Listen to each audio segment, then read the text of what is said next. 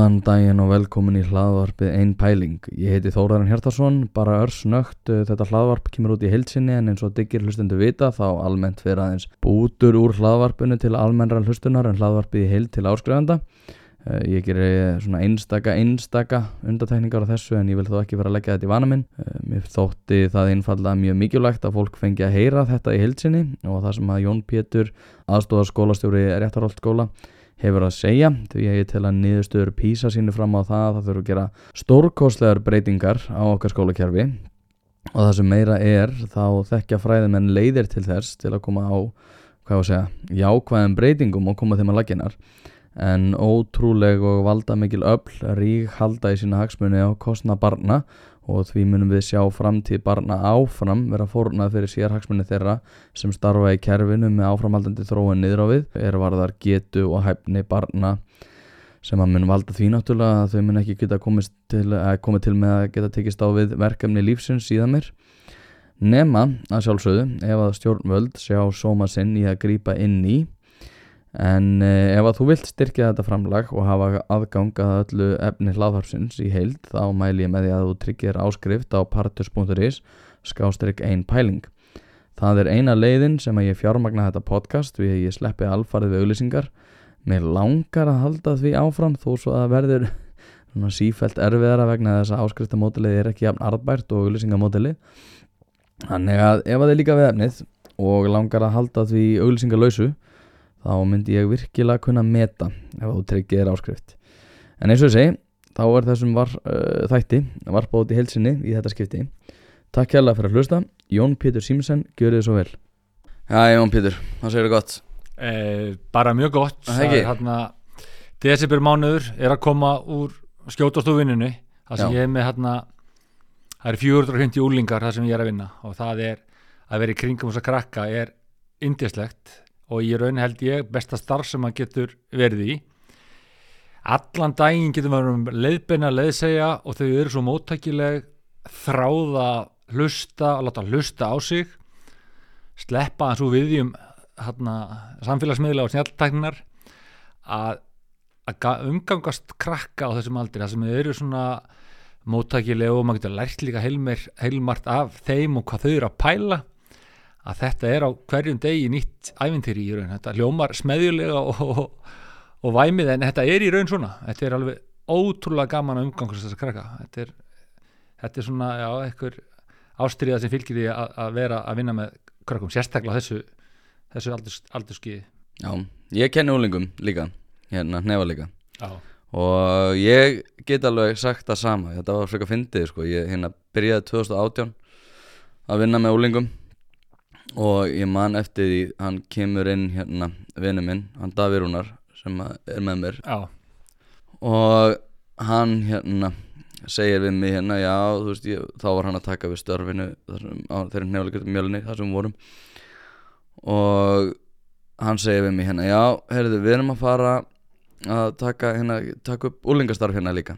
Þá var ég alveg fyrst bara heyrðu, nei, ég er ekki, ég tek ekki þátt í því sko ég get ekki verið að umgangast úlinga þeir eru háværir, þeir eru leðilegir, dónalegir akkurat. og pirrandi. Ferðast um í hópum. Ferðast um í hópum og eru alveg fyrir neðan allar hellur. En svo byrjaði ég að vinna með þeim. Og það er alveg öðruvísi að kenna úlingum heldur en að kenna fullornum, eðlum alls samkvæmt. En það hefur samt alveg kent manni helling og það er alveg rétt sem þú segir sko, að þau kannski þrátt fyrir það, jújú, jú, þau geta alveg verið hávær og hérna, dónaleg og fleira þvíumlíkt að þá er, er, lærir maður rosalega mikið á sjálfan sig með því að kenna úlingum og það er indislegt að vera í kringu þau og núna erum við í mitt í work-class þar sem við erum eða bara plug, fatta það núna þegar ég setja en hérna að þá er mjög enginlegt sko að líka fylgjast með því svona framþróun þegar maður er að fylgjast með úlingum sem að kannski byrja 14 ára eru nú að verða 18 eða 19 ára. Já, ég mitt og það er mjög svona áhugavert að fylgjast með þessari framvindu. Og það er einmitt ástæðan fyrir því að mér er svolítið ant um það sem að við, við erum að fara að ræða um í dag. Eða mér er ant um umræðefnið og umræðefnið mikilvægt. Og það er einfalda út af því að núna er að koma fram písakannanir sem að sína fram að það að þeir úlingar og ég skamma þau mjög mikið fyrir það allir þess að sletta á ensku og tala vittlust og mér finnst það mikilvægt og ég tel að margir af þeim krökkum sem að ég kenni þurfa á auknum stuðningi að halda í því að takast á við málið. Og ég held að það er ekki bara við um einhverja nokkra, ég held að við eigum við um þau öll. Og það því að við búum núna málsvæði sem hefur, er mjög smitað af ennsku þau eru mjög mörg miklu betri ennsku heldur en ég var nokkuð tíman Já, á þessum aldri. Já, á þessum aldri. En það hefur líka haft þær afleðingar að það kannski vantar upp á á öðrum sviðum og þau kannski eru ekki af góði að leysa þetta gags. Ég skammaði líka fyrir það að vera mikið í símanum og þau eru alltaf mikið í símanum og ef ég segja þeim að segja mér hversu mikið screen time þau eru með eða þau, Já, já, þá segja þeim mér það sko og þá er ég bara, guð minn góður guð minn góður. Og það einhvern veginn, eins og ég segi hefur haft þau áhrif að písa kannunar komu aftur hræðilega út og alveg sérstaklega hjá okkur. Já, og mér langar að byrja á því að spyrja þig sko nú þegar þess að písa kannunar út af því ég kynnt þig áður til leiks. Mhm, við viljum ekkert að fara út í þig sem karakter. Ef þið viljið skoða það þá er það þáttur 210 að með minnir af þessu hlaðvarpi en Jón Pítur er komið annað skiptið. Langar að fara beint í þetta. Písa kannunin Af hverju komum við verð út heldur en önnur lönd sem við börum okkur saman við? Eh, Það eru svona margar breytur fyrir því og ég get, hef kannski ekki endilega beint svörin við því. Hérna á sínum tíma ég skal reyna samt að að, að svona að feta mig gegnum þetta með einhverjum hætti. Á sínum tíma var það þannig, eða er þannig að, að það er allir krakkar á Íslandi sem taka þetta próf. Semst, úrtaki er í kringum að það fjölda nefnda í árgangu á, Íslandi, á Íslandi, það passar akkurat þannig að við tökum öll prófið þau sem að hafa semst, til þess bara þroskalega getu og er ekki nýflutt til landsins. Það eru svona ákveðin, ákveðin viðmið sem það þarf að fara eftir þar og það á við um öll lönd. En í öðrum löndum er sem sagt úrtak 4500 krakkar heldur sem taki prófið það er Þískaland uh, Kongo, neða Kongo náttúrulega reyndar ekki inn úrsti, en Þískaland, Kanada Bandaríkin eða hvað sem er. Og ég hafði þá kenningu uppi að, að ef þú verið dregin út úr stóru landi að taka písakönnunina einn í, einn í þínu skóla eða einn að þá væri þú líklegir til að leggja þig meira fram heldur en þegar allir taka prófið í ykkurum árgangi. Mér fannst það svona líkleg kenning. En það var hrakið af ventamálastofnum, þeir sögðu sem sagt að það eru spurningar í prófunu sem að uh, taka þetta fyrir og krakkarnir spurðu hvað þeir leggja mikið á sig. Og íslenski krakkar skýra sér ekkit frá öðrum með það, það er sem sagt þeir leggja öll jafn mikið að lítið á sig sagt sama hvar í heiminu þau eru. Þannig að það var ekki ástæða. Við höfum verið sífallandi bara frá aldamótum með tveimur undatekningum, við hækkuðum aðeins 2009 og svo 2018 Eh, en núna fjallum við um tæp tvö ár á fjórum árum mistum tvö ár af skólanámi á, tveimur, á fjórum árum uh, í leskilningi fórum þrjá, niður um 38 stig sem eru 40 stigur í tvö ár því það að börn 2018 fengu 10 ára nám ef við miðum við það sem núlpunkt og meðan börnin núna 2022 fengu 8 ára nám. Samt var greitt sama útsvara sem skattar og reynda meiri peningar og glinn í kerfið. Hvað veldur þessu? Ég held að það sé uh, svo bara stefna sem hefur verið í grunnskólanum nánast frá því að sveitafélagin tóku við þeim hérna kring hvað 96-7 og þetta er svona bara djúft á þessu hjá okkur.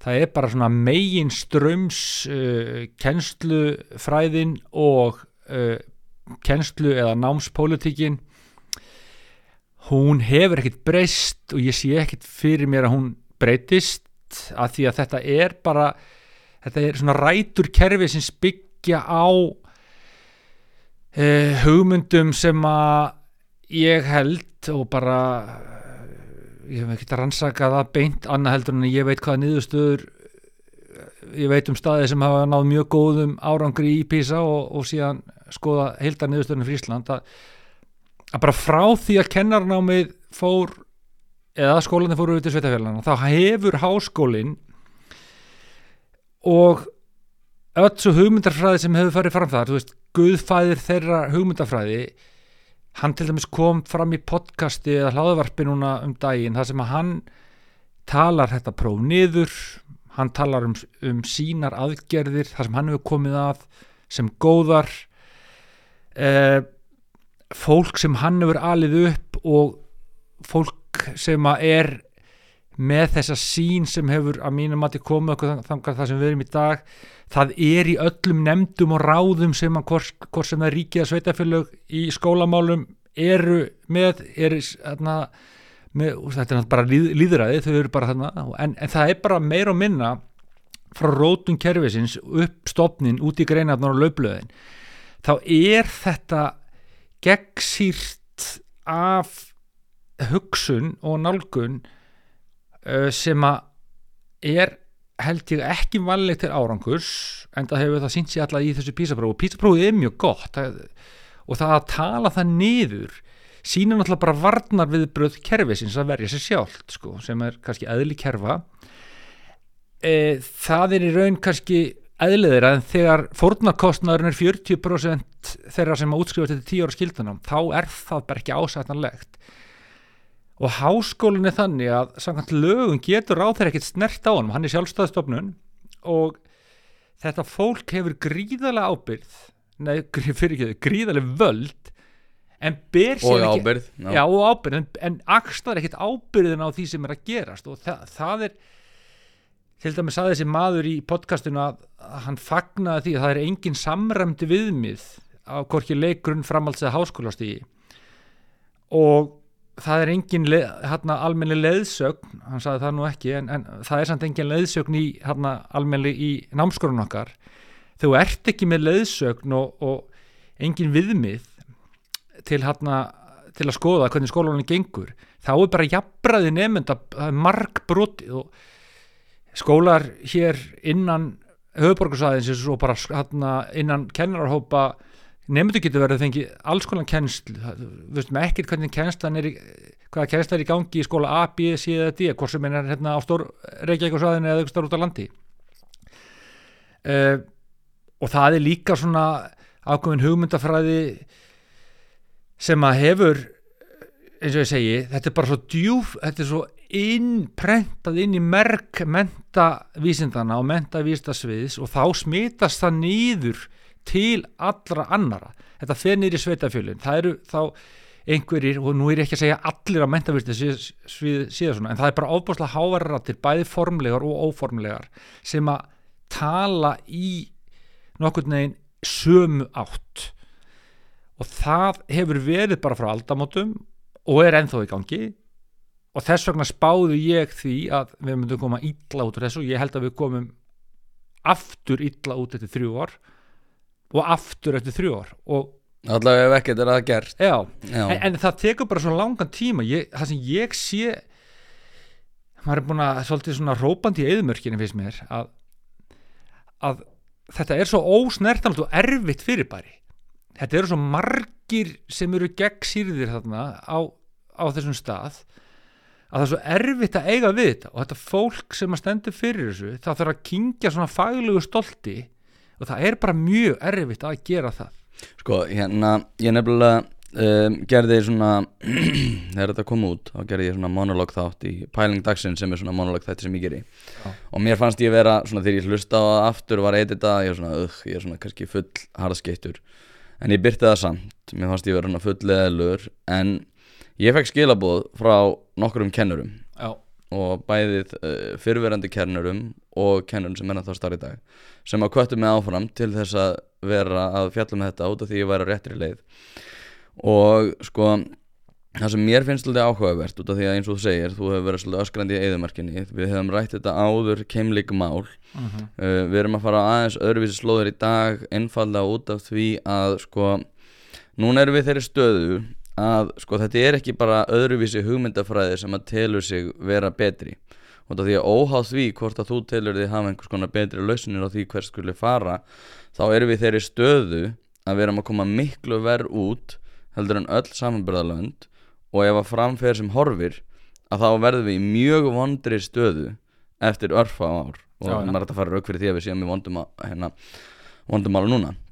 Og það sem mér hefur þótt svo ótrúlegt við þessa umræðu er að út af því að það er fullorðið fólk sem gegnir þessum stöðum Uh -huh. en þrátt fyrir það þá má ekki tala við þetta fólk eins og það sé fullorðið fólk það er að segja að núna til dæmis er, sko, koma, kemur fólk fram og fyrst, fyrsta sem við heyrum er Herru, við skulum ekki vera að benda á fólk. Já, Ég held að þetta sé nákvæmlega tímasetningi sem við þurfum að vera að benda já, á, ekki endilega fólk, heldur kerfin og benda á hluti. Og sko kannski ætti puttanum að vera að benda á sjálfu þér ef að þú ert að hlusta og hefur einhvers konar völdi í þessu. Kannski er einhver sem að þarf að bera ábyrgð. Og þetta því að við erum ekki að fara að benda á það sem að er að að þá erum við aldrei að fara að finna lausnir á þessum kerfum. Með því að með, þegar þú leysir eh, vandamál kerfa þá bætir þú einingar innan kerfana og þá fara aðrar einingar að starfa betur. Og það sem að mér finnst líka svo, svo, heyrir maður líka hérna þetta er nánast eins og einhver svona PR-maskína bæði stjórnmálamenn og hagsmuna aðilar uh, sem að vinna innan kerfisin sem að koma að segja ég, ég, það fyrsta sem að ég vil nú benda á er hversu ánað ég er að sjá að hérna líðan barna er svo góð og ég bara, þú ert ekki til umræðu út af líðan barna. Nei, nei Við gætum alveg tekið sér þátt um það hversu frábært það er að börnum líði örlíti betur heldur en annar staðar. Við erum ekki hérna til þess að tala um líðan barna, við erum hérna til þess að ræða þessa písakörun. Hættu að tala um líðan barna, hættu að tala um að þú sett ekki að fara að benda á neinn út af því að þú getur verið hluta af vandamálunu. Og, og eins og ég segi, svo ég fá að klára það. Já, Af hverju fæ ég ekki að tala við fólk eins og þessi fullorðið? Ef að ég er í vinnu og ég er ekki að standa mig eins vel og ég er ætti að gera að þá að sjálfsögðu bendir yfirmaðurinn á mig. Ha, ég get ekki verið að segja "Nei, byrju nú við, byrju nú við. Þó svo ég sé búin að reka allt í þrótt hérna þá er þetta ekki tíminn til að vera að benda á neinn sko. nei En ég get svo bara tekið undir allt sem þú segir vegna þess að þess að þessi ræða sem þú fórst með hérna ég hef nú bara farið með hana sjálfur. Bara eiginlega, ég ætla ekki að segja orðrétt en innihaldslega algjörlega samberlegt að það er, ég meina formað kennarsambar sem segir bara, við skulum ekki horfa í baksinni speil, við skulum horfa fram á við. Það er alger fyrring ábyrðar og þetta er ef þú horfir bara þarna, það er svona stór uh, umræðu vettvangur uh, skólafólks sem er á netinu sem er svona stærsti bergmálshellir kennara. Og þar eru bara allir að róa lífróður um þetta að nefna drepa málun og dreif, ekki horfast í þetta, ekki ræða raunveruleikan ég hef ekki séð eh, neitt af sveitastöndastíðinu stíga fram sem að bera ábyrða grunnskólanum og rekka grunnskólana og ávarpa þennan vanda með einhverjum hætti. Eh, stjórnendur, ég sé þá það er eitt stjórnandi hérna þessum, í þessum bergmálshælli sem er að draga saman svona einhverja greinar hinga og þanga það sem að er akkurat verið að gera sem þú ert að segja hér að það verið að benda eitthvað annað, einhverja aðra rannsaknum mögulega og, og, og, hérna, og að nefnendur byggu til einhvern orðalista í hérna í skóla hér sem að það er úlinga orðaforði og það fær meiri aðtekli hefur en písa niðurstöðunar sko. að, að kennarðarnir hafa ekki skilið úlinga orðafor, orðaforðan þannig að þetta er sko og þetta er sem sagt þessi fyrring ábyrðar og hún er á sér stað í kerfinu öllu það er, ég veit ekki hversu oft ég hef heyrt það að sko við sveitarstönda fólki segir við treystum skólanum og kennurum og þar er í raun verið að framselja völd og ábyrð ég er ekki að segja sveitarstönda fólki að kenna en sveitarstönda fólki þarf að bera ábyrð að að minnsta hvort að fjórar á fresti á því hvað er að gerast.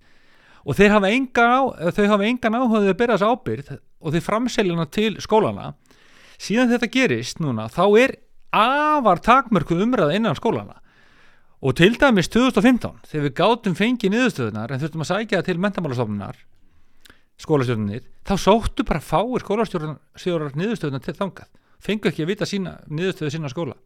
En ef þú ert með 40-50 nefndur í árgangi sem er ekkit allir skólar það er bara hluti skólar sem er með það þá er gefa niðurstöðunar vísbendingar um hver staðan er í þínum skóla. E, þannig að það er samt eitt annað sem að ég man að þú nefndir síðast. Já, og ástæðan fyrir því að uh, skólastjórunir séu ekki jafn spenntir fyrir því að sækja niðurstöðunar já. er út af því að þá er það aðgengilegar fjölmiðlum. Já, það þurfi ekki að vera það, það er þetta dulkóðaðir vonandi og það er alveg rétt, ég hef engan sjálfur áhuga á því að það sé einhvern veginn verið að búa til sko reyna svona að reysisvæða einhver hverfi eða skóla, ég hef það ekki. Ég vil að sveitafjölu nýti sér hann að niðurstöðun, sérstaklega Reykjavík það sem eru margir skólar, Hafnafjörður og, og Gópaður og þeir geti séð hvað skórin kreppir og veitt á fjármagni á réttlátari hátt. Þannig að þessi ákveði gegsa í þessu og ákveðin réttari forgánsröðun fyrir krakkana. Ef það er einhvern nefndahópið þar sem 60-70% nefnda getur ekki lesið til gags þá þurfum við að gera eitthvað í því. Þannig að við séum ekki að búa til bara reyna stjættaskiptingu og hverfaskiptingu. Eh, ég er ekki lindur því að þessi skólan sé ræðað upp í einhverja svona styrkleika röð út frá písa ég vil bara skóla þetta nýtt sér niðurstöðunar og vonandi er það nú að gerast eftir þessa umræðu sem hefur verið í gangi. En það er þetta framsal ábyrður og ábyrðaleysi ég man bara í hruninu þá að tala um að þeir sem að var að gaggrina okkur þeir þetta fyrir endumöndun og, og væri bara ykkur ruggli núna erum við bara á þeim stað að 40% nefnda geta ekki skilið texta, get ekki hlusta sér til gags. Það þýðir ekki að nefnandin get ekki lesið ég fór út í búð og kefti með kaffi. Eða þegar barnið segir en keisarinn er nakin en þau skilji ekki bóðskap sögunar um nýjufötan keisarars þau skilji ekki þegar barnið ávarpar það að keisarinn sé í rauninni engum fötum. Hvað, út af hvað gengur svo dæmisaga? Og við erum pínlítið inn í þeirri dæmisögu núna fólk er í hlutverki þeirra lottarna sem voru að klæða keisaran menn er að reyna að finna einhverjar ástæði fyrir því hversan staðan er svona og reyna einhvern veginn að verja sig. Og það er alveg sérstaklega ákveðin hópur sem hefur aðheilst þessa stefnu sem er hingað til verið í gangi sem að ver sig bara með kæfti og klóm. Því að ég skil það líka vel ákveðin leiti að þegar kannski þinn fæli í grunnur þegar hann er laska, þegar hann laskast svona eins og með þessum niðurstöðum þá er það mannlegt að fara í vörð en þú verður að hugsa um það að við, kerfið er ekki fyrir okkur í skólanum starfsmennina. Kerfið er skildunars kerfi fyrir börn á Íslandi. Ef ég hef ekki áhugað því að minni skóla eða finn mig ekki koma ykkur til gags og ég er að gera eitthvað sem að já, heyrðu, kannski er þetta bara vafasamt, kannski gæti ég nú gert eitthvað sem er árangursvíkara ekki fjölbrettar, heldur árangursvíkara ef ég geta ekki, þá ætti ég bara að hugsa mig gang og bara hætta. Af því ég er ekki skildur að vera í skólanum en börnun er skildur og það er út hverki held ég skildur að vera nefnir grunnskóla og fangelsi. Þannig að það á að vera þannig að börnin getur lesið til gags og það þýðir það að þau geta tjáð sig, hugsað mynda sko, skoðanir, haft viðþorf og það hefur áhrif á sjálfsmynd. Þú getur ekki tjáðið að pælti hlutunum og þú getur bara hort á fyrirsagnir og, og, og svo er þetta bara stjórnaðir ykkur hagsmunaöfl með einhverjum peningum og, og, og skrifa greinar og, og gera TikTok-vídeó þar sem að þú bara heldur eitthvað og síðan jafnvel kýstu eftir því þá er bara líðræði líki hættu.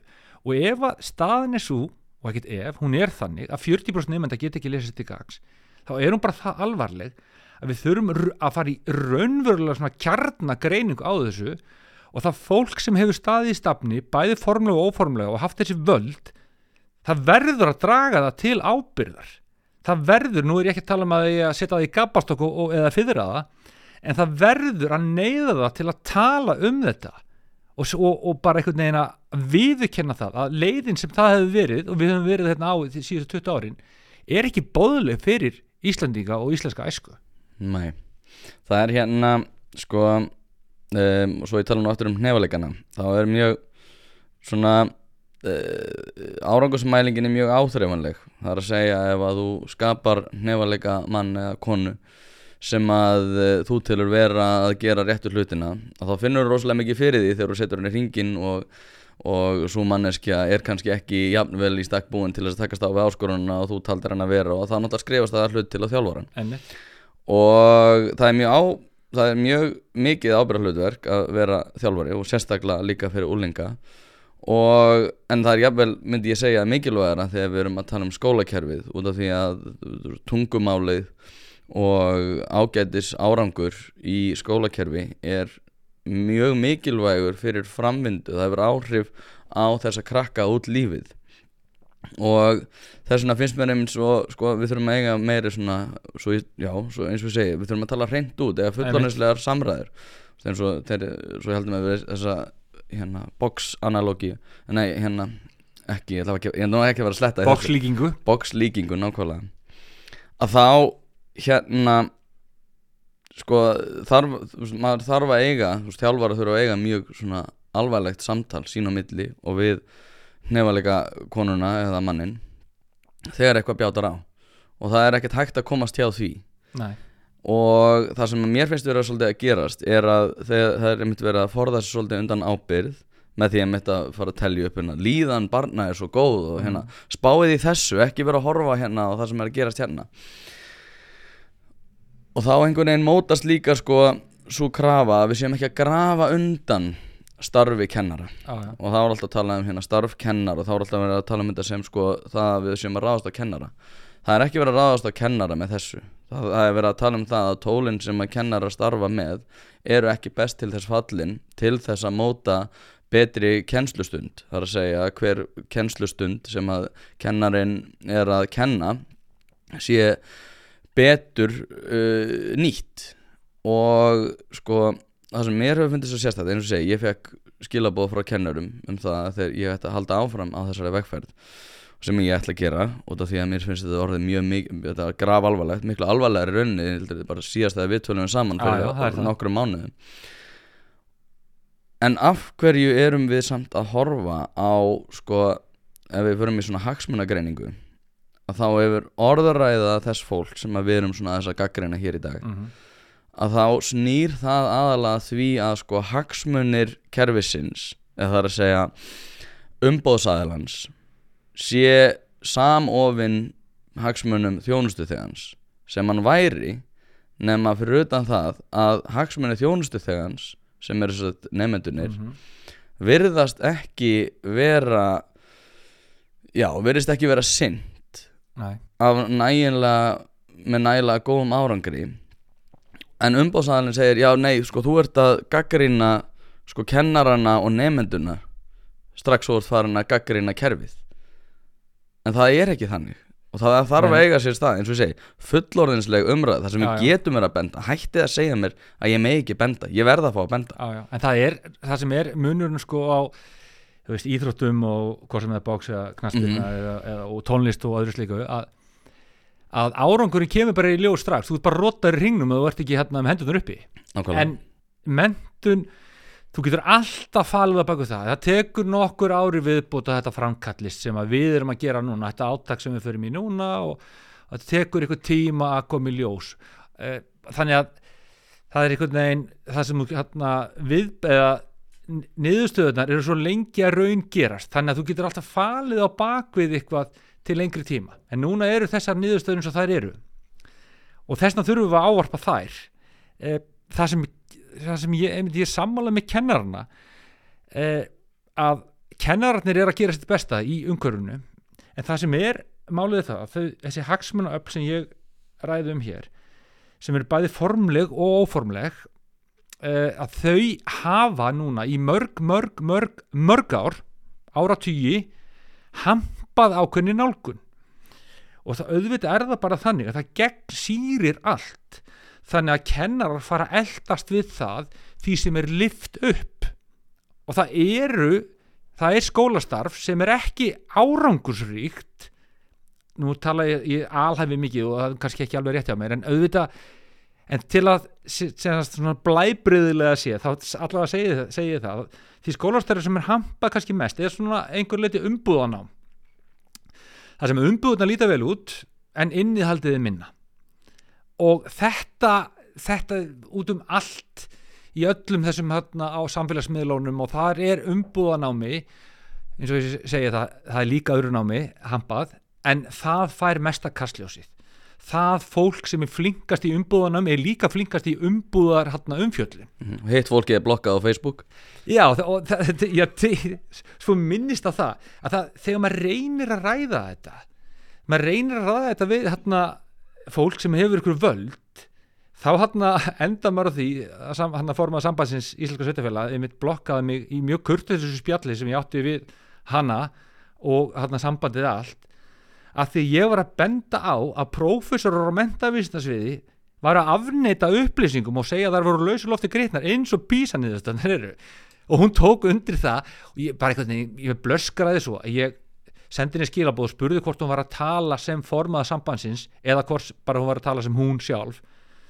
Og hann, hún svaraði mér ekki þá sendi ég henni á, í töluposti og eftir það var ég bara áreitið og mikið að hún blokkaði mig. Þannig ég, ég ákvaði að senda á þess að stjórn sambandsins og ég fekk svör frá sömum hana, þetta var fyrir ári síðan sko að því ég vissi alveg hvernig niðurstöðun yrðu, ég þykist fyrir eitthvað svona nostradama svona, en það var ekkit flókið að sjá það hvernig niðurstöðun yrðu, að því það er engin breyting og það heldur bara áfram, það mun halda áfram.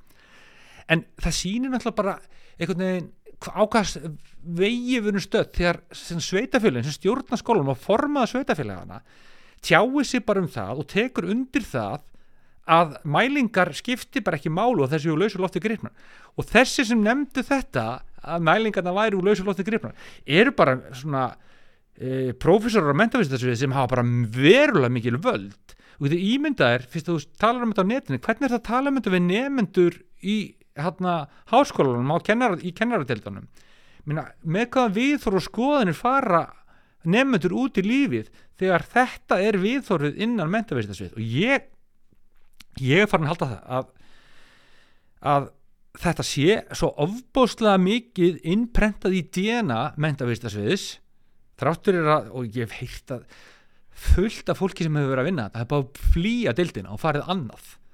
Að þarna að þurfi bara hreinlega aðra kennardild í öðrum háskóla til höfuðs þarna þessu fólki. Því að þetta er, þú kemur þessu fólki ekkit frá og það mun ekkit stíga frá og mun ekkit axla ábyrð og ég held að, að það þurfi kannski tíu ári viðbót þurfti bara að stofna kennaradelt í einhverjum háskólanum, eittur og þrýr með þarna, það sem að væri hreint borð og þarna, það sem að kennararnir kæmu og myndu þarna velja árangursríkar kennsluðaðferðir og, og, og komast þannig út í hérna, skólasamfélagið það hefði sem best vopn í þeirri baróttu að, að gera börnin þannig að þau geti lesið til gags. Og hvers vegna er sko mælingar til þeim svo sex ára börnum að það sé svona jamt og því að fylst með því hvað þau standa í lestri. Þannig að öll börn sex ára þegar þau hætta í sex ára bekk öll börn séu svo gott sem að þau geti lesið staf til stafs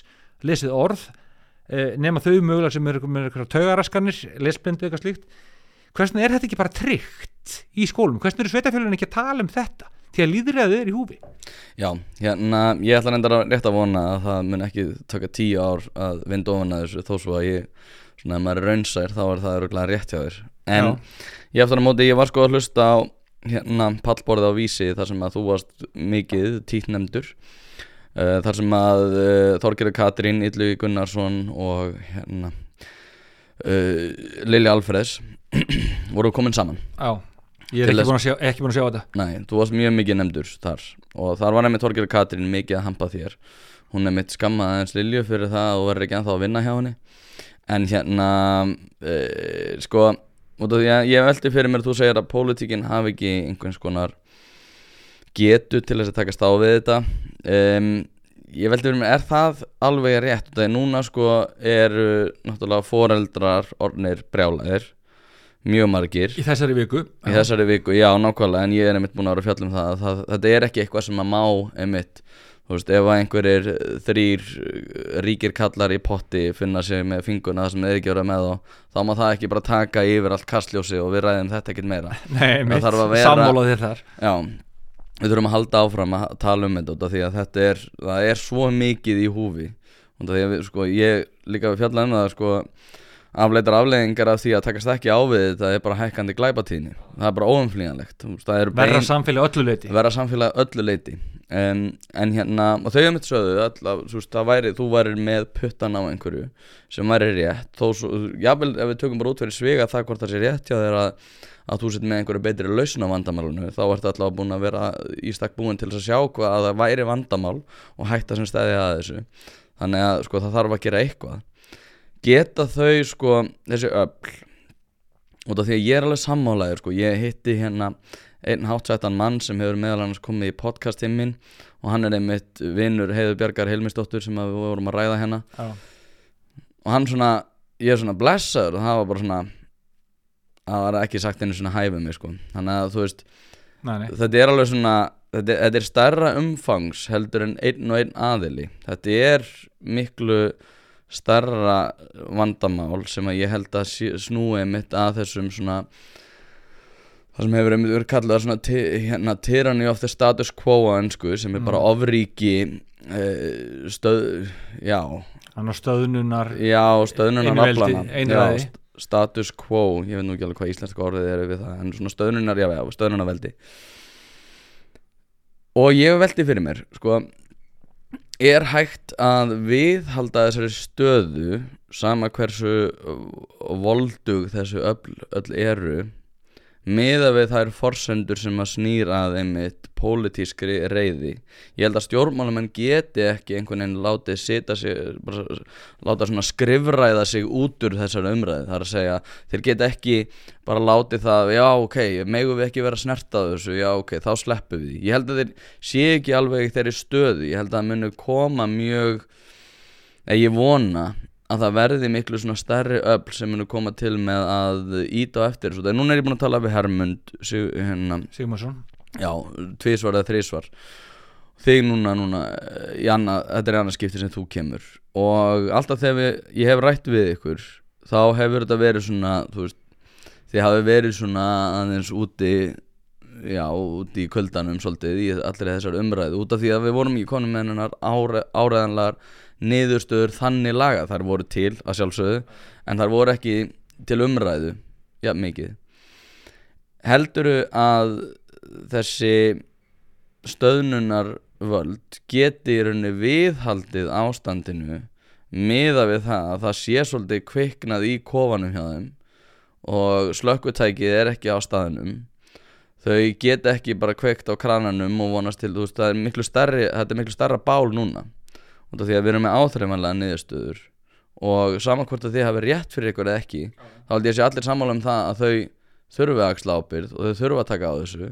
Út af því að eins og staðan er núna sérstaklega þegar við erum með betri niðurstöður í Vestmannheim við erum með betri niðurstöður allstað þar sem að kveikjum neistan hefur fengið að drepa niður er hægt að búast við því að þetta muni koma til með að halda áfram? Er heldur að þessi vörn muni halda sem að þau eru svolítið núna að reyna að viðhalda eins og staðan er í dag? Já, sko hérna pólitíkin sko, maður sér vörnina. Þetta er svo handrit bara. Það er bara, og það er ekki alveg rétt hjá þér að hérna, þetta hafi ekki verið svona. Þetta er bara búið í mörg mörg ár og eiginlega það sem við erum að tala um núna, þú varst ekki með podcast þetta 2019 eða, varstu að byrja á þá? Ég var nýbyrjað Ok, en- en- Nóvember En 2019 þá höfum við bara tekið það sama sko. Þú veist, ég er búin að, ég byrjaði, ég sá um fyrsta PISA-prófið í, upp í skóla hjá mér sem kom til Íslands. Og, og sáum það, þannig að ég verið fylgst með þessu bara mjög gumgjafilega það er búið að vera sama umræðin eða bara ár eftir ár eftir ár eftir ár. E, og það enda bara sama við þetta talað um þetta í viku kannski og, og svo deyrir þetta út. En kannski núna þegar sleggjan er 40% en ekki 33% drengja og 90% stúlna þegar hún er 40% fi- tæplega 50% drengja sem maður getur ekki lesað þetta gags og rúmlega 30% stúlna kannski er höggið það þungt núna að pólitíkin get ekki látið þetta framhjá sig fara. En það sem pólitíkin á í höggi við eru þessi öll sem eru með orðræðina menta orðræðina á hreinu.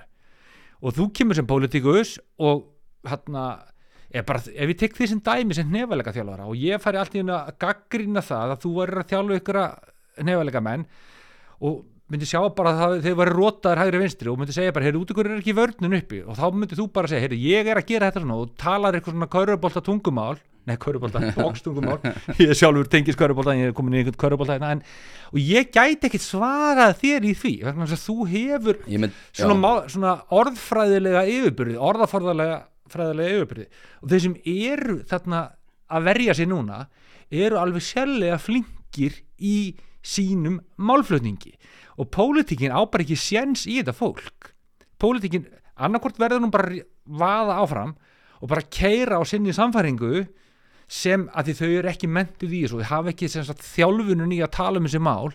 Og það er svona pólitík áhætta í því og ef þú rýður á vaðið og reynir að slökk veldin þá mun niðurstöðunar ef, þú- ef þú gerir eitthvað gott það mun ekki byrtast alveg strax það mun taka alltaf mörg ára að byrtast uh, og fyrir viki kannski ekki hvað svona þing næst eða í sveitarstundin næst af því að það er eitthvað svona öll sem mun grafa undan þér. Þannig að þetta er alveg svona ákveðlega liti hættulegt. Þá fólk þarf þá bara það þarf að einhvern veginn að sammiska þeirra sem stjórna og bera ábyrðina sem er á endanum pólitíkin sem er kursin á fjórar fresti og vonandi búið að róta það mikið í henni gagvart þeim sem stata höllustum fæti í þessu samfélagi að þeir láta ekki þessa orðræðu og þetta orðskrúð sem varnarliðið hérna er með handriti sem þeir eru að þylja upp núna að þó að þau get ekki svarað öllu sem handritshöfundar hafa fram að segja, sendi herrar hérna, stóru fyrirtækjana sem að stjórna ótrúlega miklu, Google, Microsoft og Apple eru bara með hérna, í öllum mentakjörum í heiminum að ef að þetta fólk er tilbúið bara að láta sér vaða í það að reynsa til eins mikið hægt er skoða hvað virkar í námsálafræði hvernig læri við og þú nefnir þetta kveikjum neistaðverkefnið það gengur út að fara frá þessu smá og einfalda til þess starra og flókn, flóknara. Fullt af kennsluefni og, og námsáþörðum hér í skólum gangi ekki út á það, það er miklu svona heildstæðir í mynd það er með að byrja okkur um flóknum verkum og allir er að koma að því og, og þá er akkurat þess að þetta höllustu fætu með vel, minnst hérna, sterka félagslega bakgrunn sem, sem munu græða minnst á því. Þeir sem eru hérna, með fóröldarna sem er alltaf að hjálpa og, og, og gengur vel, þeir munu græða möguleik á því. En, en og samt ekki út að afbjörnunemyndir eru líka dala í öllum þessu rannsóknum. Akkurat, þannig að það, það, það þarf bara, kennararnir þurfa líka að heyra annað heldur en það sem er í gangi núna hjá þessum öllum sem stjórna öllu og eru inn í öllum ráðum og nefndum sem sveitafjölög, ríkið samtök, hagsmunarsamtök eru með, þá eru aðalega frá þessum, þetta, er, þetta, er, þetta hljómar eins og svona einhver svona samsæðiskenninga hérna, ég sé samsæðiskenningasmiður, en þetta er bara svona. Það er Já, bara búið, meina- í- þetta er búið viðganga til 20 og eitthvað ár og þetta fólk er út um allt og það ver sig hægri vinstri. Og eins og þú segir, mér finnst ég stundum standa einn, ég er ekki búin að heyra í einum skólastjórnum nema þeim sem eru að vinna með mér eftir þessar umræður, ég er búin að vera við það og það er búin að kalla á mig, ég er ekki að ringi fjölmjölar sko. Það er ekki einn búin að hafa sambandum með skólastjórnandi á Íslandi. Nei, nei, þetta er náttúrulega þekkist alveg hérna en það er samt, þú veist, það eru hundra okkar skólar og þú veist, það eru nokkur hundru stjórnendur að það er, þú veist, það eru stjórnendur úr háskólum og rektorar háskóla sem hafa samband við mig en þú er ekki að koma fram Nei, nei. Þú er ekki, þe- þeir segja það sjálfur, ég þú er bara ekki að Já, það er kennararnir sem að höfðu sambandið mig svo þetta líka, það er þess að bara ég er ekki að fara að hafa með en, en þá sérðu hvað þau með höggi við og hvað stjórnmálunni höggi við, þetta er í alverðinu svona. Og fullt af sko forvíðismönnum hingað og þangað í atvinnulífun og venjulegt fólk, gamlir kennarar er búin að grafa sí, símanúverum mitt, ég er ekki eins og skranni og ringjandi og gamlir og núverandi kennarar og þakkandi manni fyrir. Og þetta heyri ég ekki til þeim sem að eru hérna finnst þetta erfitt og finnst ég að vera strjúkaðið mögugt en Nei, en þetta er náttúrulega þekkist alveg sko, þetta er ekkit, hljómar ekkit eins og samsæriskenning þetta er bara þekkist inn á stjórnmálafræðarinn og heitir hérna járn þeirri einingurinn þar sem að uh, samofin tengsl uh, pólitíkusa, uh, skrifræði sinna og hagsmunnaðela er orðin það rík að þeir eru ekki lengur í einhvers konar aðhaldsviðbrastöðu heldur í rauninni telja þeir sig vera betur í stakkbúinu til þess að móta kerfi með ákveðnu samráði já, ég meina við lifum í það sem heitir korporatíst kerfi eða samráðskerfi þar sem að hagsmuna aðeilar meðal eins, og- þegar eru tekna stórar ákveðinir í sambandi við bændur þá er haft samband við hagsmuna aðeila þetta er ekkert, þetta er engin samsæriskenning. Ég meina ef að það er verið að taka stórar ákvarðanir um kennara, um ke- kennsluhætti þá er haft samband við KI þannig að þetta er ekkert eins og samsæriskenning. En aftur á móti þá náttúrulega er þrátt verið það að samráðskerfi hafi sína kosti þá hafa þeir líka sína galla sem er einmitt það að uh, kerfi sem er í varna viðbarastöðu Mhm. er betur til þess fallið að viðhalda í sína eigin hagsmunni ofta kostna þjónustu þegar eins og er þessu dæmi og þar að leiðandi er erfiðar að ná fram nöðsynlegum breytingum já. og þetta, meina, þetta er ekkert samsæðiskenni, þetta er bara Nei, þekkist en, en það sem er kannski, það sem ég er kannski að menna í þessu, að í öllum þessum ráðunum nefndum, það sem að er, jú, þessi, hérna, þessi líðræðislegi vettfangur og, og samráð, þá er það sama fólkið meira og minna sem er í þessu og þetta fólk, og svo er kannski einhverjir starfandi kennarar sem er að vinna á fullu, en þetta fólk er kannski að vinna upp í háskóla. Og hefur síðan þá hefur þá frumkvaða því að skrifa ykkur að texta og umræður og fólk hana, sem hefur náttúrulega líka líðræðislegt umbóð sem er kannski í þessum ráðum nefndum það hefur bara ekki orku eða kraft í það að því það er í fullri vinnu annar staðar.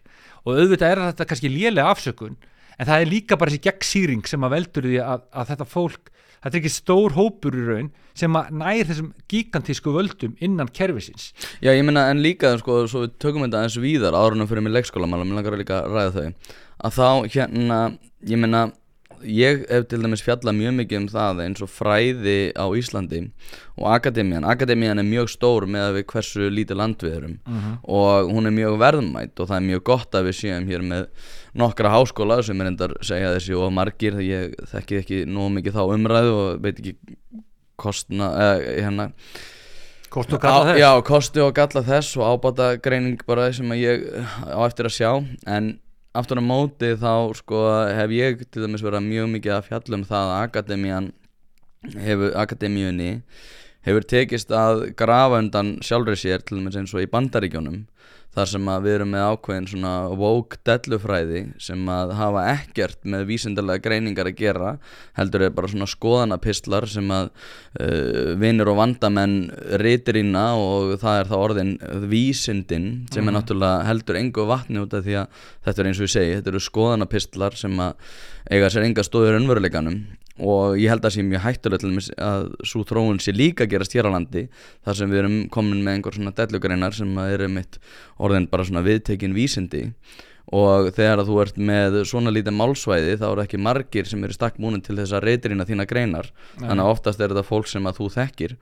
Og eins og við vorum að ræða hérna upphafi að þá sko er mentavísindasvið auðvitað að vinna örgulega mjög þart starfa mörgu leiti en aftur á móti þá þurfa þau líka svona vera já hvað var að segja þau þurfa að móta ákveð aðhald hvort sjálfum sér í svona vísindalegum nálgunum þegar þau eru að snúa eð, í því að móta einhvers konar stefnu og móta einhvers konar vísindi út af því að þau vita að manneskjan sem er að fara að rítirina þessa grein er örgulega einhver sem að þekkir þau og líklegri þá til þess að skrifa upp á það að það sé rítirinn grein.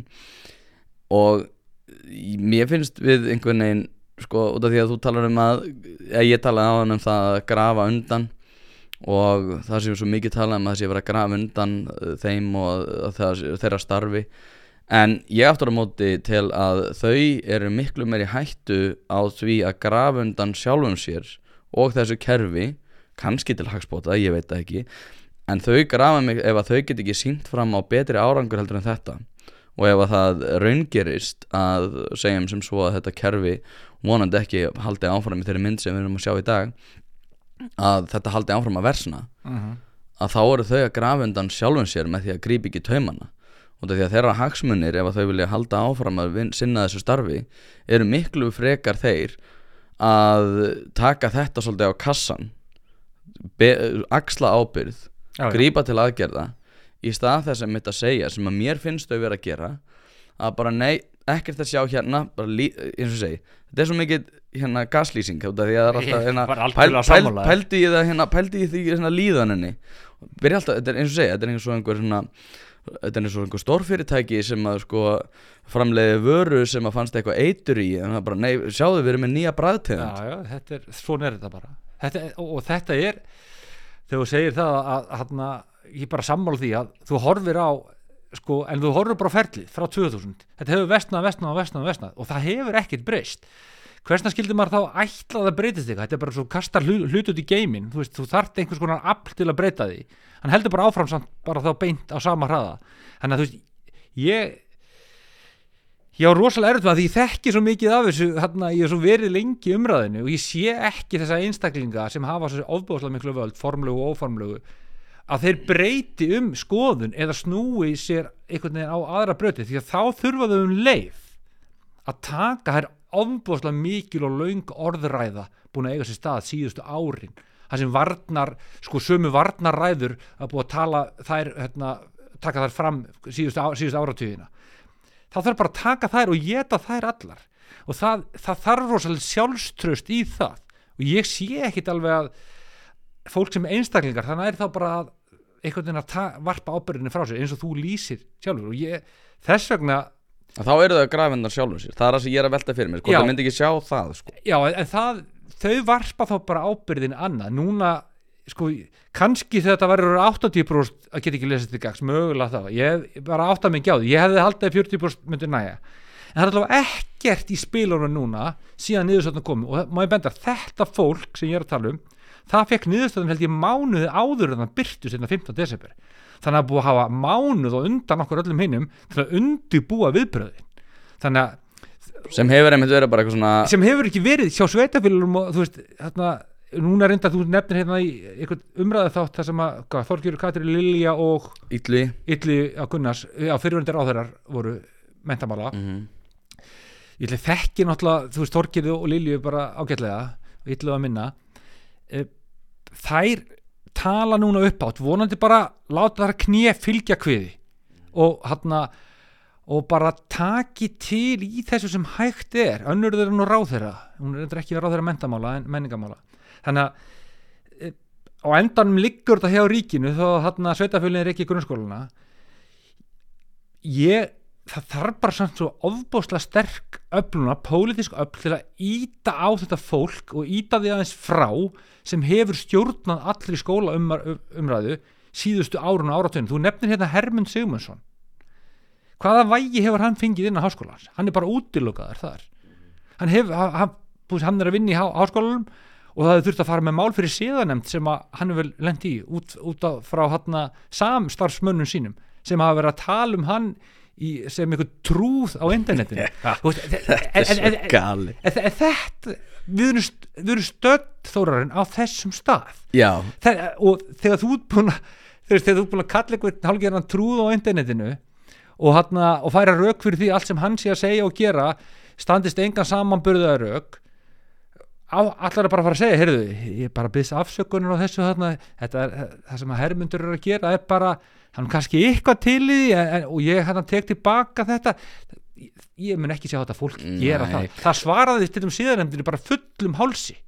Já, sko það er líka eitt í þessu sem að ég mitt pælt í með Hermund sko. hann hefur verið að skoða þessi mál í áratvíi en sko, ok segjum sér svo og svo höldum áfram með hérna bókslíkindin já, segjum svo að ég komi inn í ring með unga stelpu og uh, það kemur einhver þjálfari sem ég finnst alveg hlægilegur algjör auðli en í hvert einar skipti sem að bóksarinn okkar er að, er að berjast þá pakkar mín, eh, hennar, hann, hennar stelpa minn, mínum bóksar saman. Æmið en alltaf hefur stígum upp á hringnum og bara hvað er þessi manneski að gera? Út af því að það sem er svo mikilvægt að muna er líka sko að já já þú getur fundist Hermundur Simonsson vera algjör trúður. Þú getur fundist að vera skrítinn og hann leiðilegur, það er ekki gaman að spjalla við hann og hann er með svona skrítnar uh, hugleiðingar um allskins mál. Hann er samt sem áður betri árangri. Allstar þar sem hann fara að nýta sína hæfileika til þess að bæta skólakerfi. Það er alltaf bara ógn við hitt fólki Já, en ok, ógn eða ekki ógn, ok.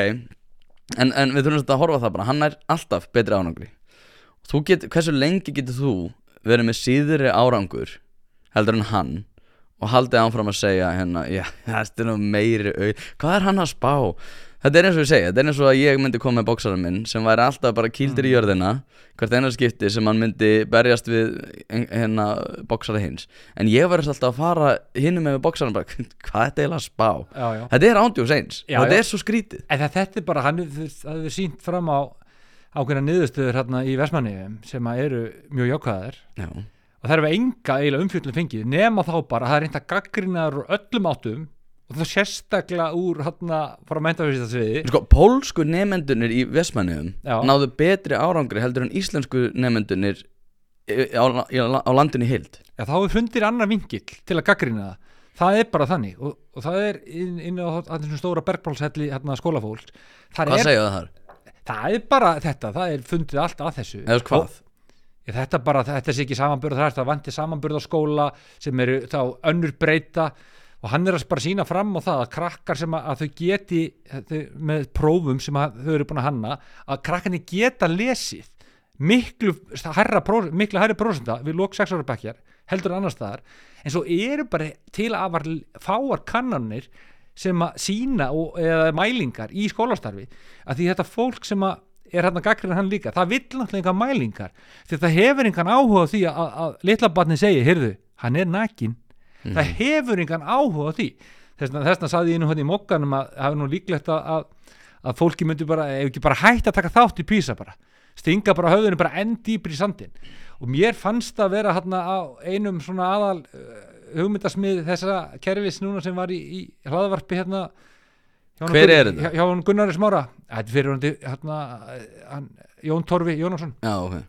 Hérna, hann er rosalega duglegur að tala um hérna, hluti sem að svona, tala um hluti svona fræðilega og í ringi hann talaði písaprófi niður en talaði síðan um hluti svona, þessi Reykjavíkborg var að gera talaði þá upp en það vildi síðan til að hann var sjálfur einmitt í var í hópum sem var að vinna því þannig að hann var í raun að hrósa sjálfum sér. Tilviljun? Eh, þannig að þú veist, svona er þetta.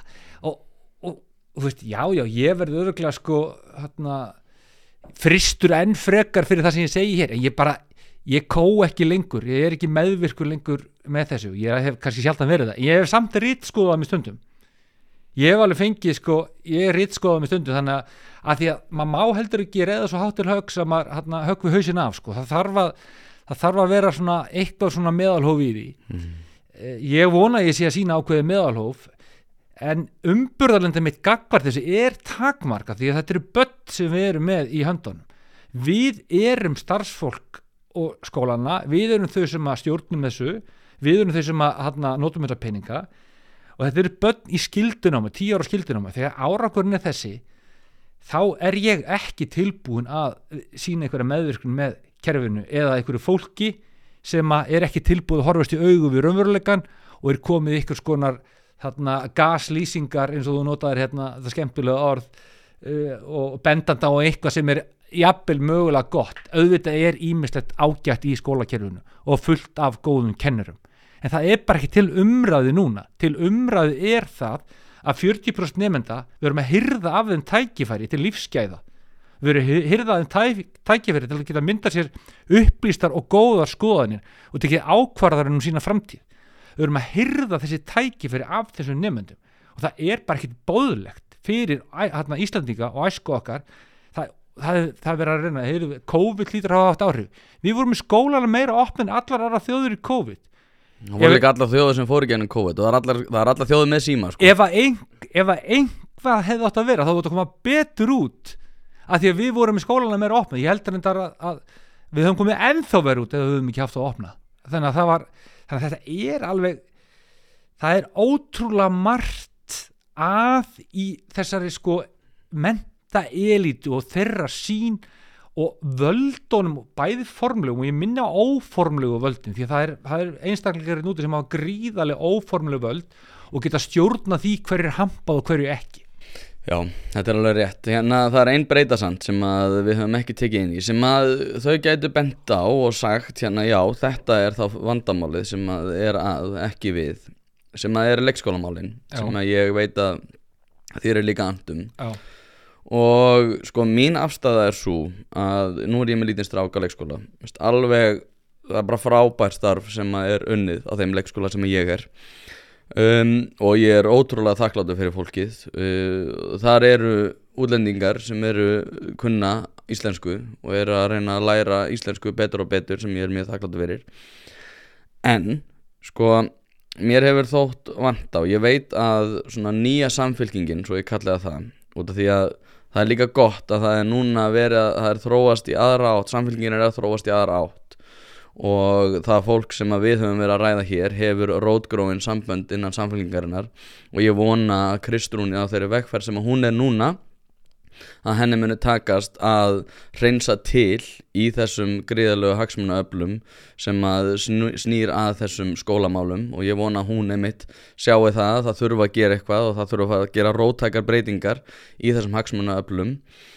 En innan leikskólana að þá var ég með að tala við Jóhann Pálum daginn og þá hefur vantað að mínum að að við tölum um skólamálin og kennara og uh, kennara, leikskólakennara að þessar stjettir eigi að vera með meiri reisn sem að snýr þá sérstaklega að kjaramálum.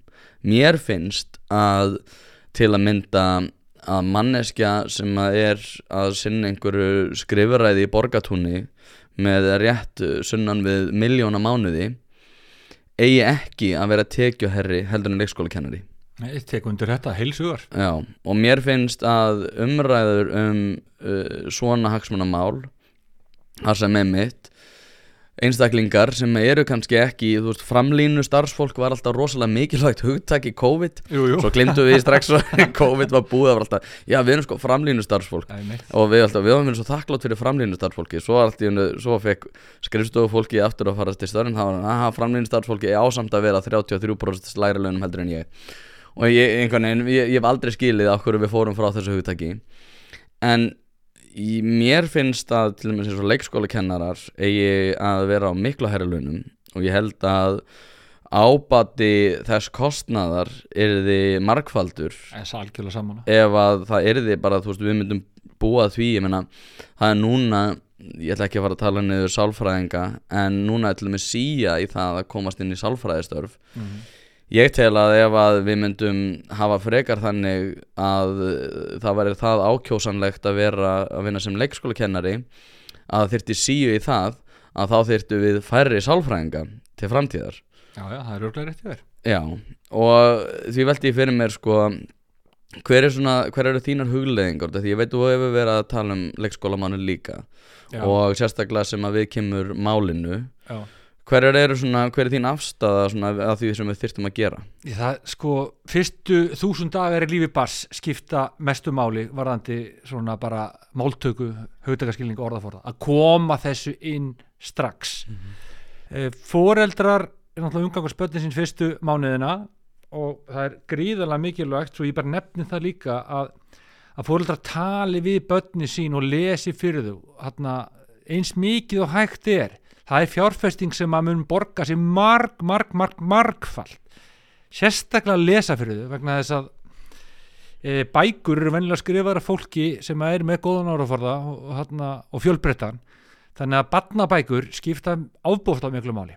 Síðan byrjuðu á leikskólanum.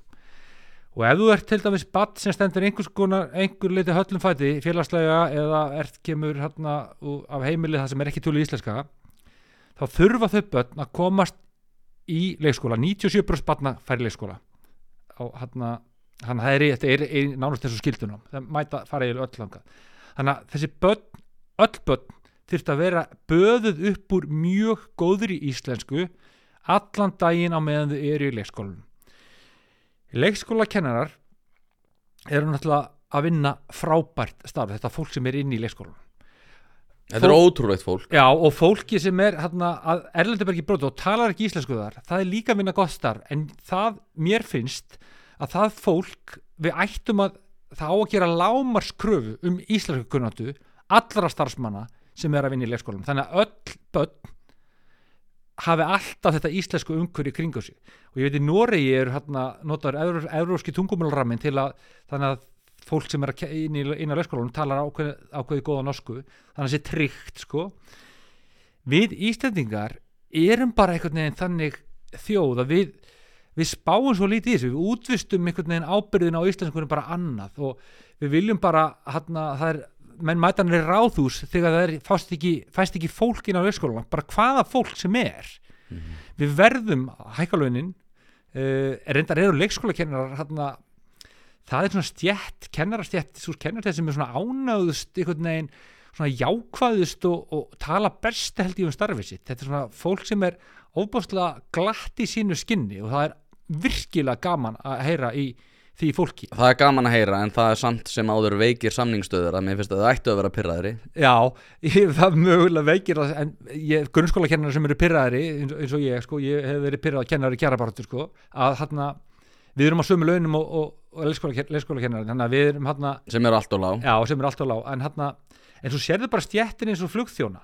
Þú veist, þau eru að vinna í ömurlegum starfs, hérna ömurlegum starfsöngur, í ykkur röri fljúandi um, það sem allt er að, leikur, reyði skjálfi og þú hérna lappar um og þjónar mat og, og farið jafnir ykkur að glósur og, og hitt og þetta.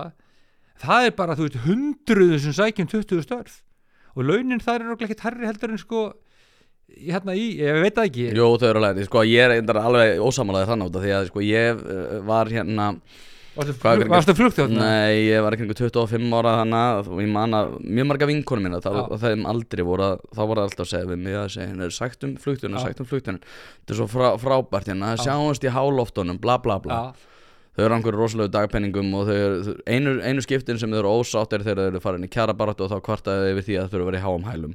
Þannig að ég er ekki mjög sympatísku gagvart þessu og ég er ekki sympatísku gagvart þessu sjónamið út af því að Nei, ég, ég held að þú sem miskilið mér, sjónamið mitt er það að þetta fólk er svo stolt af starfinu sínu. Já, og þú veist, þ- það, að reysnin já, það er reistnin sem ég er að tala um sko. ég er ekki að tala um að þetta sé eitthvað stórkvöldið starf sko. Þú veist, ég myndi ekki geta en unnið ég held að það sé ándjóks að betri tekjum heldur en já, ok, en, en það, ég er að tala um gleð, þú veist, reistnin og glamúrin Já, já. sem fylgir því auðvitað ætti það bara að vera þannig í grunnskóla, leikskóla, framhalskóla og háskóla að þeir sem er að hafa áhrif á líf barna og, og, og hérna, sérstaklega leikskólanum og grunnskólanum að þetta fólk ætti í, í raun að vera, ég ætla ekki að segja hafið upp til skíjana en það ætti að líta þannig á sig að, að ekki svona, það er svona svolítið svona fórnarlampsvæðing hjá okkur kennurum, við erum svolítið einhvern veginn sjálfsmyndinu svolítið brotinn og, og það er erfitt. Það er svona, menn er að harka og það er álag og þú veist, minna, sækir þú nám sem að þú heyrir þú veist, þe þetta einhvern veginn, þetta er erfitt, það er álag allir fóreldrar eru brjálaðir og veist, það er ekki líklegt að menn sækjum kannski farið þetta nám, en nei, það, það, það er þessi nálgun sem ég er að Ég fatt, ég fatt að hvað þú meinar sko, þú tala um að það þurfum meira svona að vera jákvæðara viðhorf gagvart því, en minna læknar ég veit ekki hvort það taki á þeim vanda sem við erum að tala um núna út af því að ég eins og þú veist, þegar þú heyrir einhver sé í læknisnámi þá er það svona, ú, Já, ok, akkurat, já. impressive skilur þú mér finnst, og þú veist, og samt sem áður eru læknar að kvarti við því að það sé mikið að gera á og mikið að gera hérna, mikið að gera hérna. Er klíningin er skemmtilegri, bla bla Já, bla já. Um, En en, mér, mér finnst svona að þú veist að þegar við erum að þegar, þegar ég heyri einhver að fara ég er í, ég er, ég er, í, lækn, ég er í leikskólakennarunum þá er ég bara wow, ok, Já. impressive. Það er svona, svona þetta menningarlega þessi menningarlega breyting sem þetta breytast. Og ég held að, og ég held að sko, ég, þú veist, ég menna ég man ekki, ég held að það veri hérna framkvæmtast við Dominos á svona tíma þegar Dominos tók mikinn hérna viðsnúningi reksturinnum Mhm. þá kom nýr, um, hann heitir hérna með minnir að þetta hafi verið hann Þórarinn eitthvað, nafni minn, sem ég man ekki hversu hann var en hann kom, minni mig frá IKEA eða fór til IKEA, ég man ekki hvað hvað- Nei, mitt, mitt, en hérna, hann, fyrsta sem hann gerði var að hækka öll launum 33% Mhm. og uh, úrvarð að fólk var miklu líklegri til að sækjum um, að fólk var miklu líklegri til þess að viðhalda þessi starfi og árangur uh, margfaldaðist út af því að þannig var bara fólk sem mikla reynslu, mikla getu sem að helst í starfi. Engin velta, starfsmannavelta.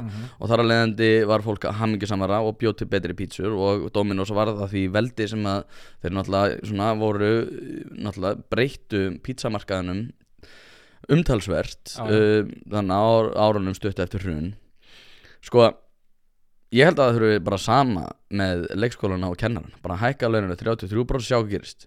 Já, og ég, það ég held að ég var ekkert á móti þeirri, þeirri tilraun sko. Nei, nei, ég veit en þú veist, ok, þú er hagsmun að gæta þetta, þú ert hérna í þessari stjætt En ég menna, í- án djóks, þá þá finnst mér eins og við séum oft einhvern veginn að uh, reyna að sko passa upp á það að fara ekki eitthvað, þú veist, maður heyri sjálfstæðis með tala um þetta, hérna, já, nei, þeir eru svo þeir fá svo mikið frí og það er svo mikið alltaf einhver svona, Mm. svona þessum hagsmuna, þú veist, passa upp á hverja krónu.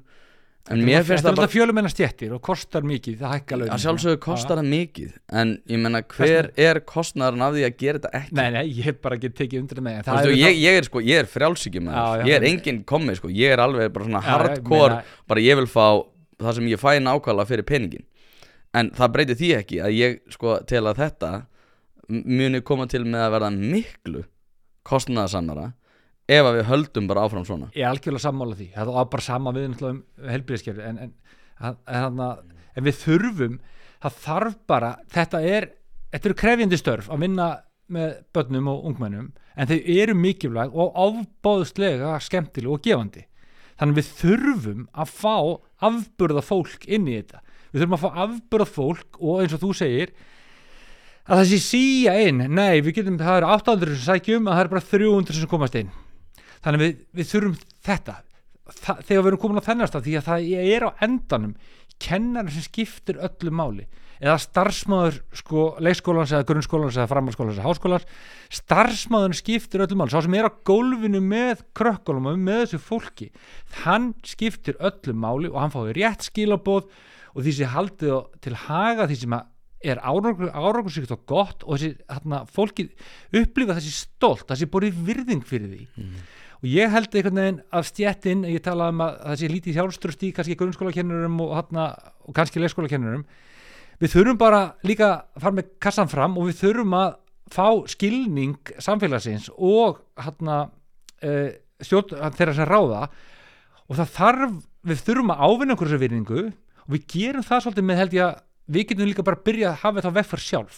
Já, það er eitt í þessu sko út af því að við erum aðeins komin yfir tíman en þetta er svo skemmtilegt. Hérna, en þá veldi ég fyrir mér sko það líka kannski umhverfi bæði leikskóla og grunnskóla kennara sem að þarf líka að vera til staðar uh, eða bæta sem að snýra því að núna náttúrulega er við alltaf að skamma kennara fyrir það, ég að þú ert með einhver og ég veit að þú ert ekki að vera að taka undir neitt af þessu en við erum kannski með einhver krakkaskít sem er alveg óþólandi og er alltaf að hafa þessu uppi og uh, er alveg bara, er alltaf með læti og svo bara hérna segir kennan bara nei, ber í borðið, segir drullaði þér út og hérna þú átt ekki að vera að haga þér svona og þú getur komið inn þegar þú ert búin að byrja að haga þér en ég nenni ekki að hafa það inninu þá koma hérna foreldra foreldra, foreldra flónin mm -hmm. og hérna, ja, þú ert að koma svo ítla fram við krakkan, kannski er krakkiðin bara óþólandi og þú þarf að rífa þig gang út af því að þú ert ekki að sinna þínu hlutverki sem uh, hérna umsjónar aðili heima við og þú ert ekki alveg rétt upp og þú þarf kannski bara að rífa þig sjálfur í gang. Í staðan fyrir að alltaf að væla hérna já, kennarinn er alveg ómöðulur því að hann er, hann er ekki að standa sig og hann er ekki að ná að lesa. Kannski þarf þú bara að rífa þig í gang. Já, já. og við erum með þessi fóreldraflón sem að bara hafa sig uppi og hvað verður? Jú, heyrðu, út af því að kennarin er búin að þurfa að vera ávittur þrýsvarsinnum hjá skólastjórnandunum að þá verður hann hérna settur tímabendið til hliðar en krakkin fæ bara að hafa sig uppi þetta er náttúrulega bara einhver menning sem þarf að hverfa og mér finnst það algjörlega galið að við séum ekki að drullast til að sparka í þessa fóreldra til þess að bara rífa sig í gang í staðis að vera hérna í símanum allan daginn og hérna og svo bara, heyrðu, akkur vil, vil krakki minn svona vikið að vera í símanum? Og svo kann hann ekki að lesa og hann vil bara vera í símanum og við bara skiljum ekki neitt hérna, akkur er ekki krakki minn að standa sig í skólanum? Ég er búin að vera hérna í símanum á TikTok allan daginn og sínunum ég hafa engan áhuga á honum. Þessi menning. Þetta er auðvitað, veist, þetta hefur bara aukist en hérna þess þau eru skólan svo eiga að vera svo góður sem jöfnunartæki að ef að fóreldarnir hegða sér svona heima ég sem skólamaður get ekki breytt fóreldrarnum við sem samfélag þurfum bara að breytast. Ég get bara sem fadir í gravarvói reynda að hafa áhrif og ég er sekur um þetta líka sem, sem þú ert að lýsa, ég á líka börn sko, þannig að ég er ekkit alls saklustið og, og, og, og langt frá að vera fullkomin en það sem er í þessu sem þú nefnir að það eru gagvart skólanum eins og þú lýsir fóreldrarnum hann ef þú spilar leikin rétt þá eru þetta ofbóðslega fáir fóreldrar sem hegða þessi svona eins og þú lýsir. Sérstaklega allavega á úlingastíðinu vegna þess að þau eru miklu meiri samherrir okkur þar heldur en já, á, á yngrabandastíðinu og eiginlega allir fóreldrar eru tilbúnir á einhverju tímapunkti allavega að vinna með okkur þegar þið finna það að okkur þykir raunverulega væntum börnum þeirra og við berum hag þeirra fyrir brjósti. En það getur verið ofbóðslega þungt að vera með nefnendur kannski fleiri en 1 og 2 og 3 og 4 í hóp sem eru virkilega þungir og erfir. Og það getur bara farið illa með fólk. Fólk eða við sem fóreldrar við getum tekið okkur á mjög, mjög mikið. En það er líka hægt að vinna með skólana og vinna til dæmis að þessum sko að þjálfa fólk í þessum kannski nýja veruleika sem er þingrinum bara fyrir fimm árun síðan að fá fólk í lið með sér til að vinna með að hagbarnana því á endanum ef að við förum í einhvers konar stríð þá verða bara skurður á millin ekki brýr og þá tapa allir því að það munu sko, ef að við sem fagmenn skólana höfum ekki meiri getum fóreldrarnir til að vinna þessi mál þá við á vondum stað. Við verðum að hafa meiri getu að því við erum fagmenn til að fá þessi mál í réttan og góðan fara við getum ekki bjarga öllu alltaf. Ég, það er bara þannig. En, hérna, en ég er bara orðið vittna því mjög oft að það er alveg hægt að vinna með fullt, fullt af fóreldurum sem koma á fróðu fellandi inn og lempa málin og fyrirbyggja líka það að það komi einhver fróðu fellandi inn með ákveðnum aðferðum sem að við notum tölvur allar upp í skóla með mér. Og það mingar líka út á það eru samt það eru, það, það er ekki um eitt, tvö mjög erfið mál til að eigða alveg gigantiskum tíma frá kennurum og stjórnendum. Og þau mál, og það er kannski þau sem þú ert að lýsa sem eru bara mjög erfið. Þetta er, ef að vel er að málum haldið inn á skólan, þá eru þessi mál ekki mörg, en það þyrti meiri stuðning við skólana frá svona ytri kerfum og ytra utanumhaldi fyrir okkur.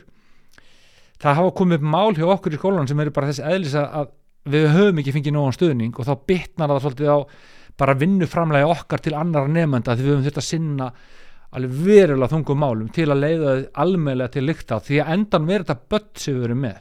Og þetta þetta er eitt af því sem að ég held að árakursiki skólar að þeir hafi betra vald á heldur margir aðrir að samfélagið er stendur með skólanum, það talað vel um skólan á 98% heimila hverjusins, það er ekki verið að tala skólan niður.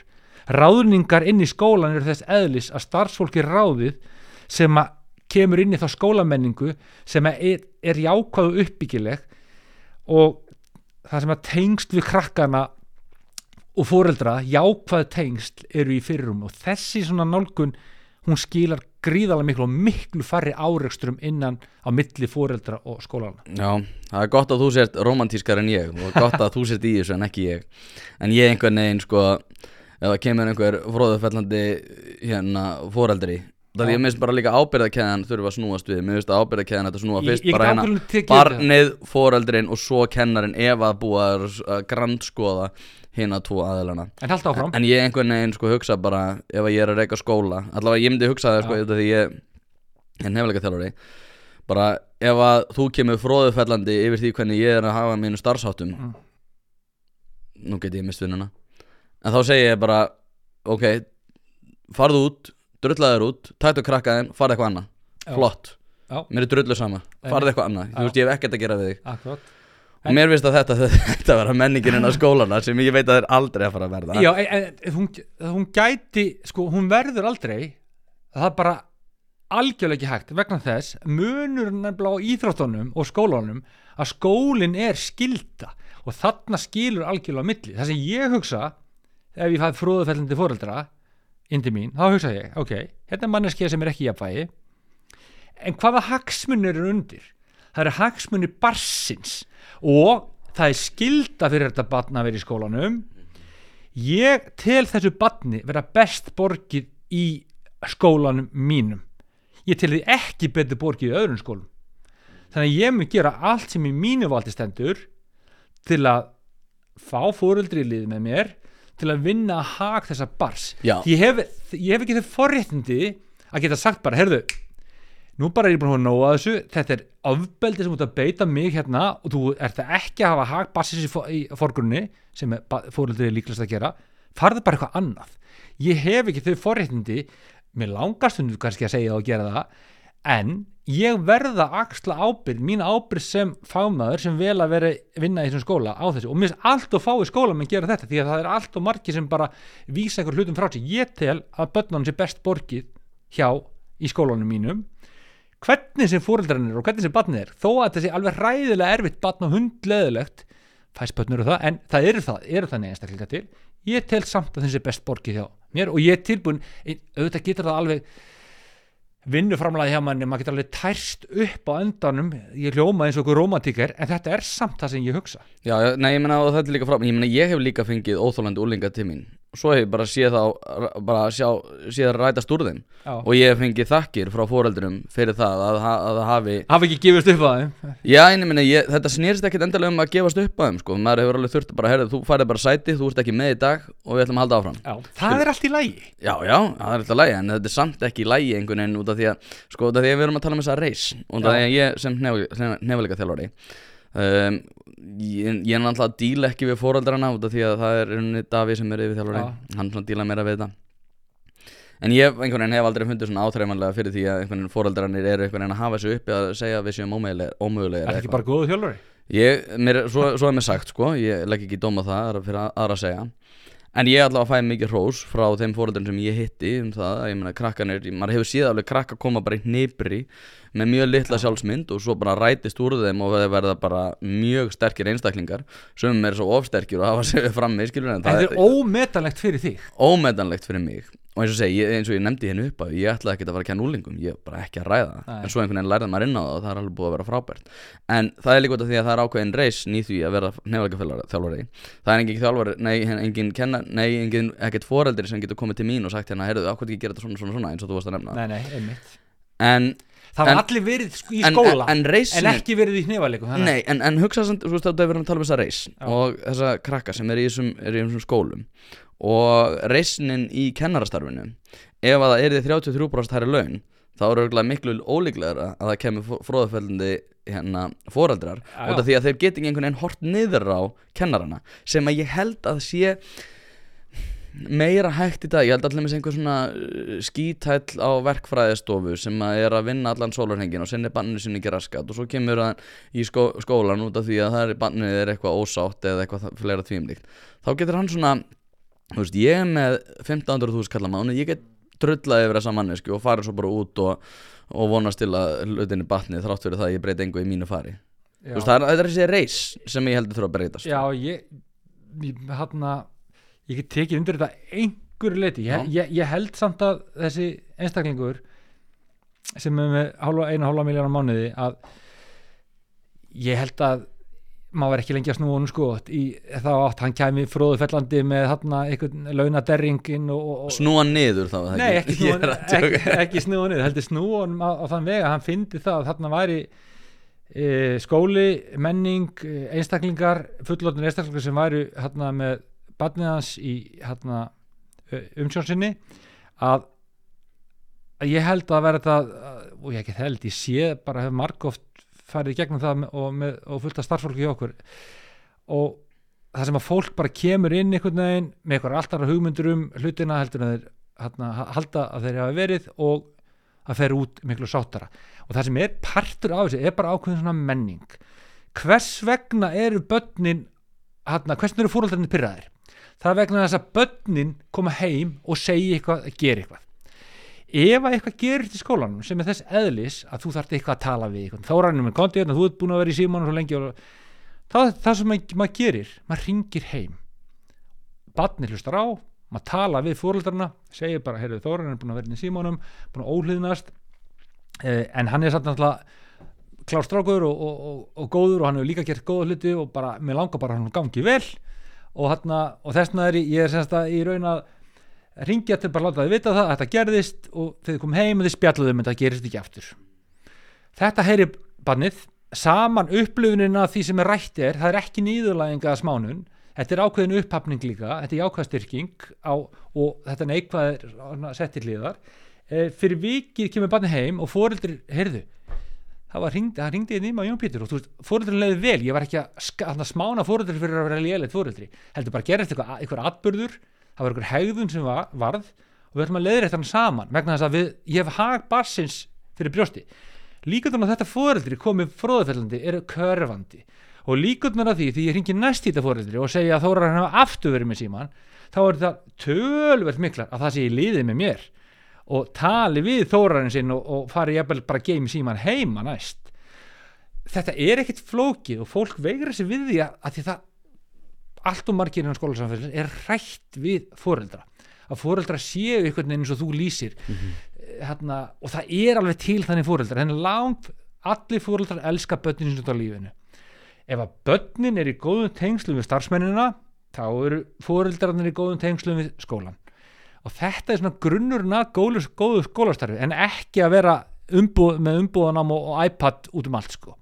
Þa, það bara þessi þetta er bara svona líkill að því að börnin byrja virðingu fyrir þér. börninu þykir bara væntum því sem starfsmann væntum því sem boxþjálfara. Það eru okkur krakkar sem hugsa bara á þóra henni frábær og sjáðu henni í kringlu og helsa þér.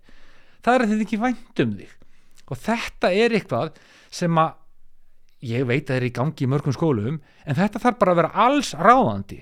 Og þetta er svona partur af því sem að ég vil tala um og koma meira í umræðina og þarna eru við þá öll sem samfélagi í liði með börnunum. Að við erum ekki að grafa skurða mitt okkar á heimilana heldur eru við bara öll saman liði. Auðvitað eru undartekninga tilfell sem er, er mjög erfið og þurfum aðstof við en almennt eru fóröldinni standað með börnunum og börnin standað með okkur ef að þau finna við höfum einlagan áhuga á þeim og okkur þykir væntum þau. Núna reynda þegar ég pæli þá þetta kannski hljóma betur heldur en mín ógnastjórn Hérna, Ég held það. En uh, Jón Pétur, við erum búin að vera lengur heldur en ég ætlaði En Þetta þetta var bara bara, ótrúlega gaman. þetta var bara svo skemmtilegt. Já, hérna eins og ég segi, ég vona að við getum haldið áfram hamra þetta járn út af því að ég held að þetta sé stórkostlega mikilvægt.